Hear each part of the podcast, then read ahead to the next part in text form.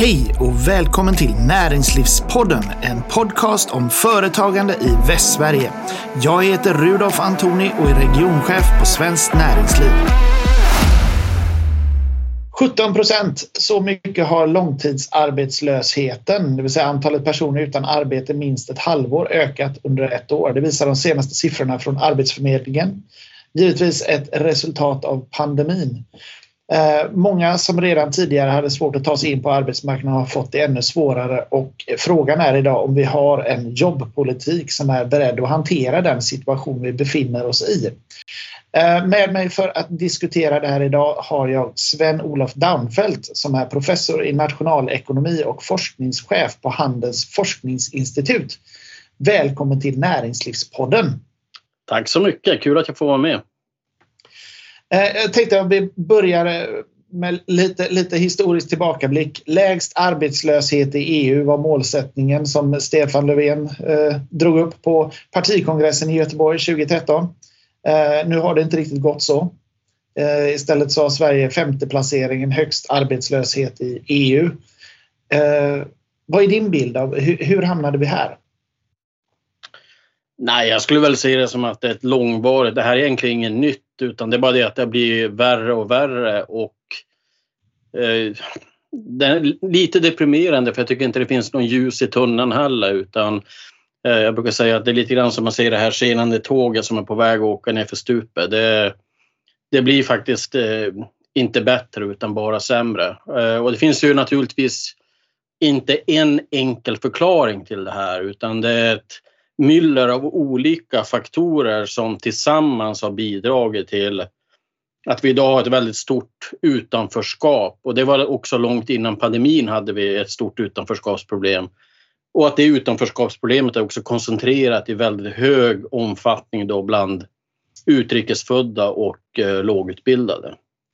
Eh, och eh, det finns som sagt många olika förklaringar till att, att vi befinner oss var vi befinner oss. Mm. Eh, finns det, det är en, en dyster prognos du målar upp här och, och mm. då tänker jag att då, då, behöver man ju se till vilka politiska verktyg det finns för att försöka styra om den här skutan eh, på något sätt. Eh, finns det sådana verktyg som vi skulle och borde ta till idag i din mening? Ja, det är klart att verktygen finns där och det finns, man kan göra saker. Det är ingen tvekan om det. Problemet är ju att man inte gör det och jag tycker inte heller att det verkar finnas någon vilja att eh, ta tag i de, här, i de här problemen. Om man tittar så att säga traditionellt i Sverige så har vi ju satsat i huvudsak skulle jag vilja säga på två stycken eh, åtgärder grovt klassificerat. Eh, och det ena är ju då utbildning. Det är det första man hör. Om, om, du, om jag är på seminarium om det här med utanförskapsproblem Eh, Eh, eller pandemin eller vad det kan vara. Då pratar man alltid om behovet av bra skolor och bra utbildning och sånt där. Och det där har vi ju pratat om i Sverige så länge och det är ju inte så att vi inte har satsat på utbildning. Utan vi har ju haft kompetenslyft och vi har haft enorma utbildningssatsningar i Sverige. Men problemet är ju att det är väldigt svårt att få sådana som, om vi har många nyanlända som kommer hit med väldigt, väldigt låga utbildningsnivåer att få dem då så att säga att anpassa sig till den svenska arbetsmarknaden och ett, ett högproduktivt samhälle eh, det, det, blir i princip eh, nästan en omöjlig uppgift. Och, om, eh, och framförallt så tar det också väldigt lång tid så det är en extremt dyr åtgärd också om man ska ta det. Den andra åtgärden som man har gjort förutom utbildningar det är olika som jag skulle vilja säga mer eller mindre ineffektiva arbetsmarknadspolitiska program där man då har försökt att eh, stödja olika grupper med olika insatser och oftast har de inte fungerat för att arbetsgivarna tycker ofta att det har varit för krångligt att använda de här arbetsmarknadspolitiska programmen. Det har varit för mycket byråkrati och det har varit för mycket regler, det har varit för mycket krångel. Och de har ju också, då också varit inriktade ofta mot de som har allra, allra svårast att få jobb. Eh, och för många arbetsgivare är inte det ett intressant arbetsutbud så att även om man får dem väldigt billigt så har man inte vill anställa dem. Och därför har det ju lett till att de här typen av åtgärder är extremt ineffektiva. Mm. De skapar inga riktiga jobb helt enkelt. Nej.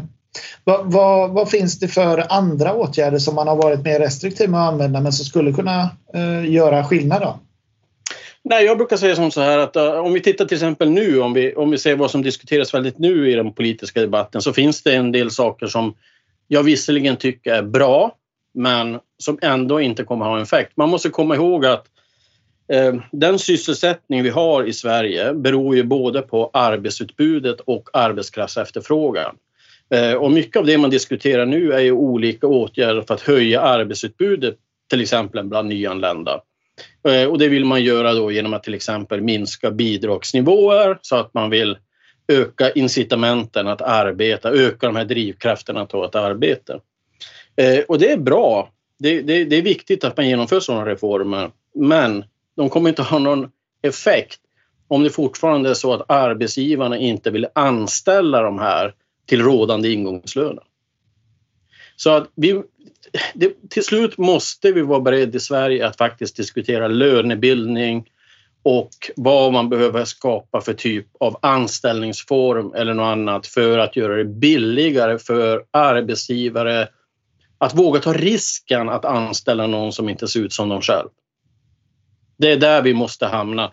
Och just den frågan är ju man väldigt, väldigt ovillig att diskutera från, jag skulle vilja säga, något håll den är, den är lite för het så att säga. Ja, den är för het. Jag tror ju också att det är... Det finns ju några sådana här, eh, vad ska man ändå säga, eh, förslag. Jag menar det som ändå Svenskt Näringsliv och fackföreningarna kom överens här med de här så kallade etableringsjobben var ju någon form av ny anställningsform där arbetsgivarna skulle kunna anställa de här individerna till en väsentligt lägre arbetskraftskostnad. Dock med en ganska hög subvention från staten vilket kanske gör att den har blivit mindre intressant att genomföra. Men i praktiken tycker jag att det förslaget ändå landar rätt i det här att ja, men ska vi få in de här stora grupperna människor som idag befinner sig i ett utanförskap vilket får stora följder för oss som samhälle men också för dem som individer. Det är ju, man får ju ofta också komma ihåg att det är ju alltså tragedier bakom de här siffrorna, alltså personliga tragedier. Mm. Eh, och familjer som lider svårt. Och, och, vi vet att det som är viktigast i just integrationssyfte det är faktiskt att komma in på arbetsmarknaden. Och eh, här, här måste vi så att säga våga göra någonting och då, då, tror jag att det är en sån här anställningsform som behövs som gör det billigare. Alltså någon form av introduktionsjobb, någonting som gör det betydligt billigare för arbetsgivare att våga anställa någon eh, eh som ett introduktionsjobb till en väsentligt lägre lönekostnad idag. Och då, då pratar jag väsentligt lägre lönekostnad. Mm. När det gäller lönekostnaden så eh, har det ju diskuterats en del kring eh, just arbetsgivaravgiften och jag vet att eh, HI har ju tagit fram en rapport i samarbete med Almega till exempel för att visa vilken effekt det skulle få på tjänstesektorn och skapa jobb. Om vi börjar med, med arbetsgivaravgiften, kan du berätta lite vad är arbetsgivaravgiften? Hur stor är det i förhållande till lönen och vad är det tänkt att den ska gå till? Ja, arbetsgivaravgiften är ju egentligen, när man pratar om arbetsgivaravgiften med många och säger att ja, men det skulle vara bra att sänka arbetsgivaravgiften, då säger de nej men det är ju inte bra för det här går ju då till pensioner och socialförsäkringar och liknande. Eh, A-kassor och liknande. Och det är sant, eh, men det är bara två tredjedelar som gör det. En tredjedel av alla arbeten, eller mer än en tredjedel av arbetsgivaravgiften då som för arbetsgivarna betalar in är ju i själva verket en direkt skatt då på arbetskraftsintensiva företag. Och det är den så kallade allmänna löneavgiften. Eh, och den infördes ju 1900, i samband med EU-inträdet och var ju tanken att, så att säga finansiera EU-inträdet. Bara där kan man ju tycka att det är lite paradoxalt att den arbetskraftsintensiva tjänstebranschen ska så att säga finansiera ett EU-inträde som framför allt kanske gynnar kapitalintensiv och te alltså teknologiintensiv produktion. Bara, bara just den biten tycker jag är ganska konstig logik i det hela. Eh, men vad det egentligen gjorde var ju att det vart ju bara ren eh, ny då, skatt på arbetskraftsintensiv, för arbetskraftsintensiva företagare.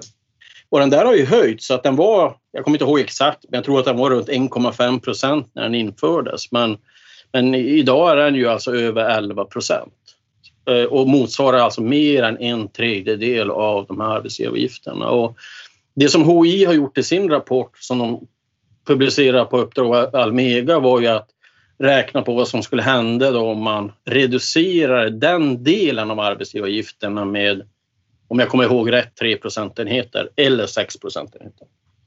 Vad kom man fram till då? då? Det...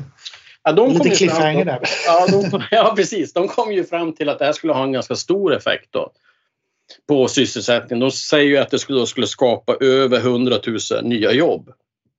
Och eh, att den statsfinansiella intäktsbortfallet, vissa brukar säga kostnaden per jobb, men jag gillar inte att säga det som en kostnad för det är ingen kostnad för staten utan det är ett intäktsbortfall för staten. Att den skulle då vara relativt låg. Jag tror man räknar med vad man kallar en självfinansieringsgrad på 77 procent. Så enligt deras beräkningar så skulle det här då kunna vara en, en, en effektiv åtgärd då för att eh, ge fler jobb. Då. Hur, hur fungerar det då? Eh, är det i och med att man får lägre intäkter men samtidigt skapas det fler jobb så att på, på totalen så blir det inte en minusaffär då? Nej precis, att det, det, man räknar ju då kostnaden per jobb då, så att, eller intäktsbortfallet på jobb. Så att, så, okay, hur mycket skulle det här då falla bort i statens budget kontra då eh, hur många jobb som skapas. Och klart, skapas det många jobb då blir ju intäktsbortfallet per jobb inte så jättestort. Då. Sen så vet jag faktiskt inte exakt hur de har räknat, om de har räknat, men vilket jag, alltså, det, det där är egentligen en ganska svår räkneuppgift så att säga. För att man, man måste ju räkna på kanske, jag tror inte de har räknat med dynamiska effekter till exempel.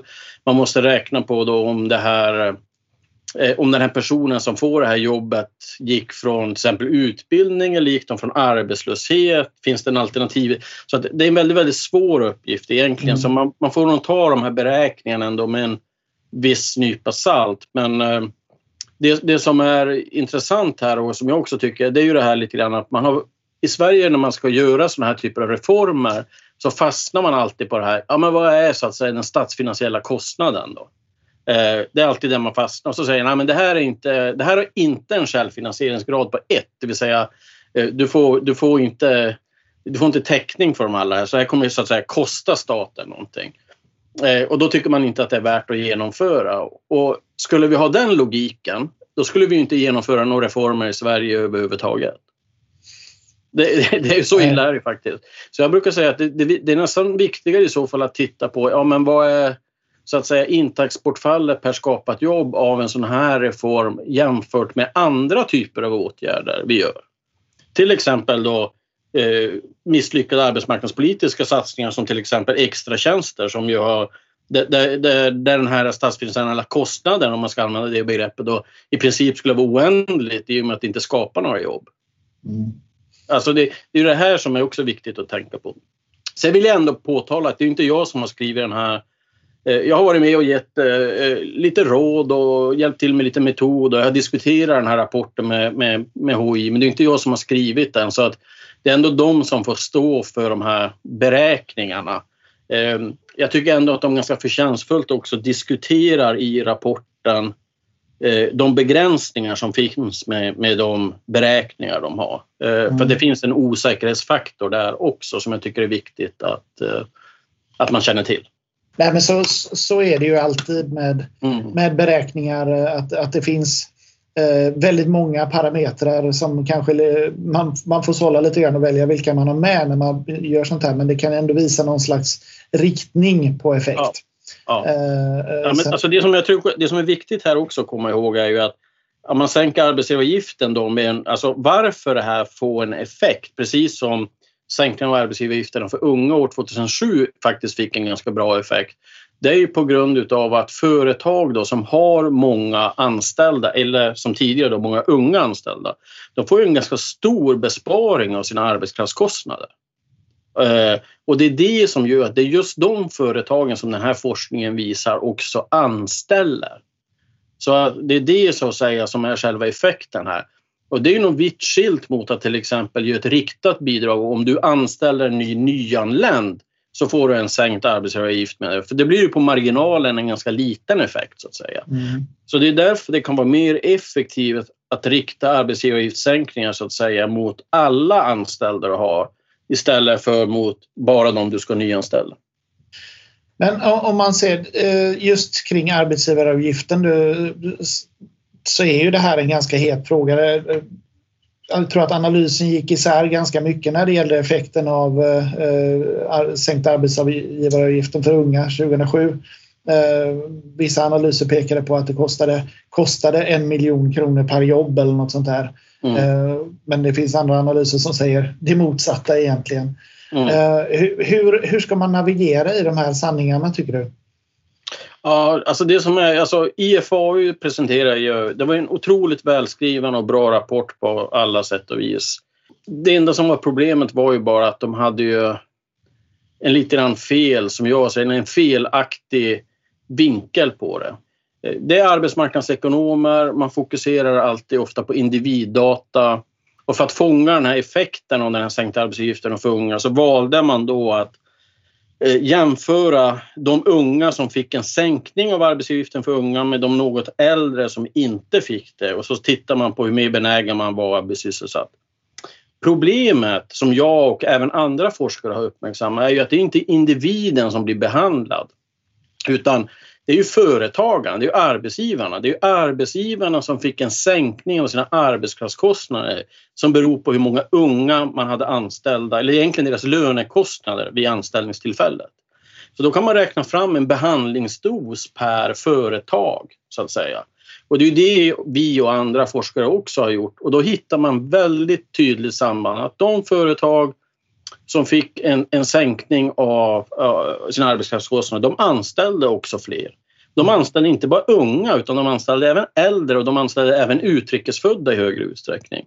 Och det beror på att det här skapar två olika typer av effekter. Dels en substitutionseffekt, det vill säga man varit mer benägen att anställa yngre eh, på grund av att de varit billigare, precis som IFAU-rapporten också indikerar. Men också en skaleffekt, det vill säga man fick en kostnadsbesparing och den kostnadsbesparingen använder man då för att skala upp sin produktion genom att anställa fler oavsett ålder. Och det ledde då så att säga till att man, får, man fick en, en positiv effekt både på de yngre och på de äldre. Om då man jämför effekten på de yngre kontra de äldre, då jämför du faktiskt två stycken där du har, båda har positiva effekter. Då kommer du så att säga underskatta den totala sysselsättningseffekten. Och det är ju det som vi har visat och även Ekelbrännes, även andra forskargrupper. Då. Sen kan man alltid då argumentera för, ja, är det här ändå en effektiv åtgärd? Vi beräknar ju att det statliga intäktsbortfallet per skapat jobb av den reformen låg kring 440 000 kronor. Eh, även med våra beräkningar. Då. Och det är som jag säger att det, det är ändå så att det skulle jag säga är en reform som då sett till andra reformer är relativt effektiv.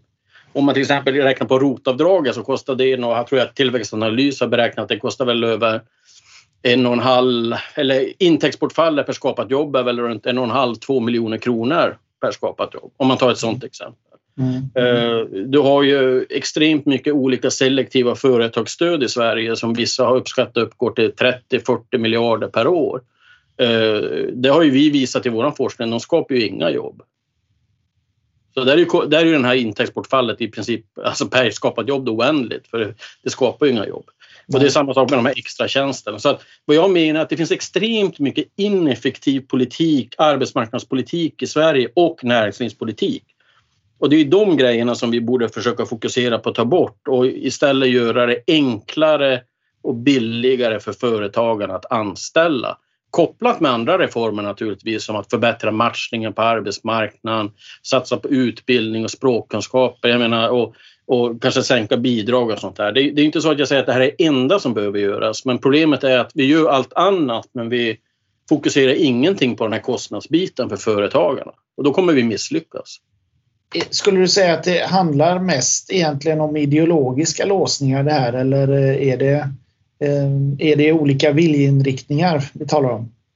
Jag skulle nog snarare säga att det är politiska låsningar. För att jag menar, det här är inte så här att det... Alltså, det kan ju hända att det är vissa partier som kanske tycker att jag har rätt när jag säger det här, men man är fortfarande inte villig att genomföra de här reformerna.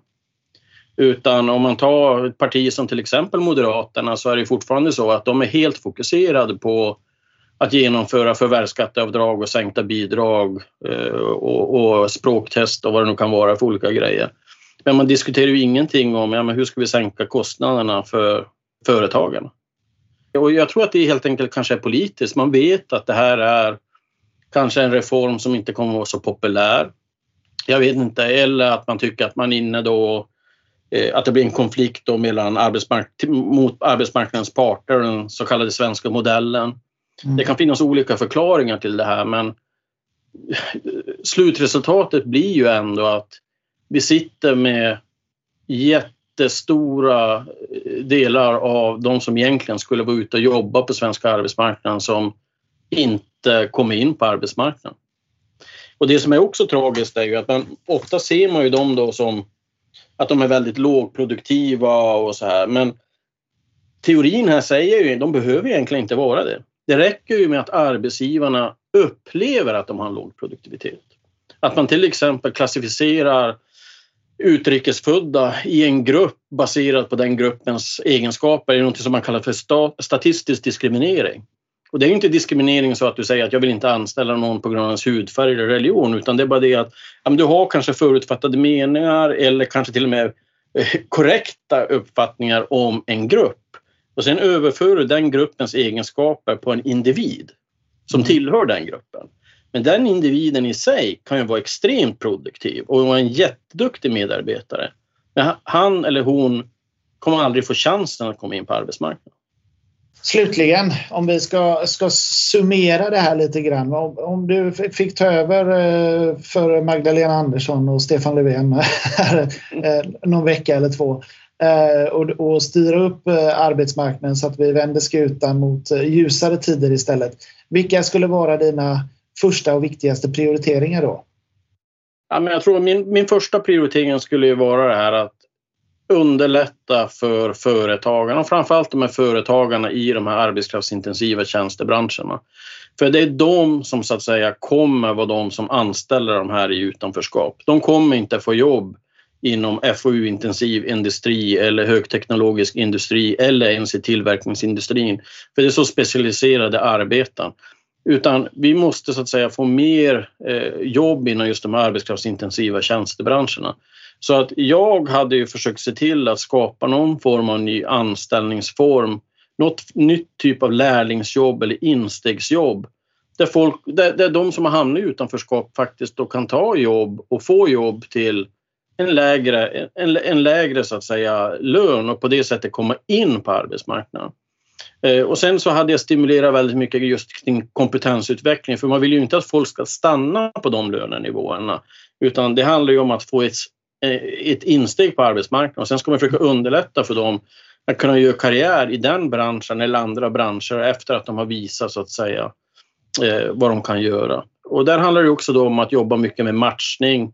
Så till exempel då att, att reformera Arbetsförmedlingen, tillåta mycket av de här bemanningsföretagen, de här eh, kompetensföretagen då att ta ett större inflytande över att försöka matcha eh, individer med företagare. Mm. Sen har vi naturligtvis massa akuta grejer här som är just inom pandemin som behöver ta, ta, ta tag i.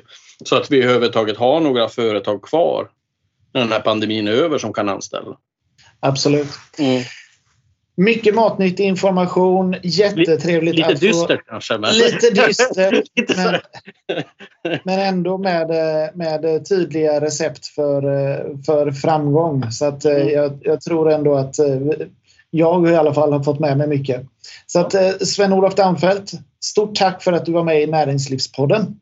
Tack för att jag fick vara med. Du har lyssnat på Näringslivspodden, en podcast om företagande i Västsverige. Jag heter Rudolf Antoni och är regionchef på Svenskt Näringsliv.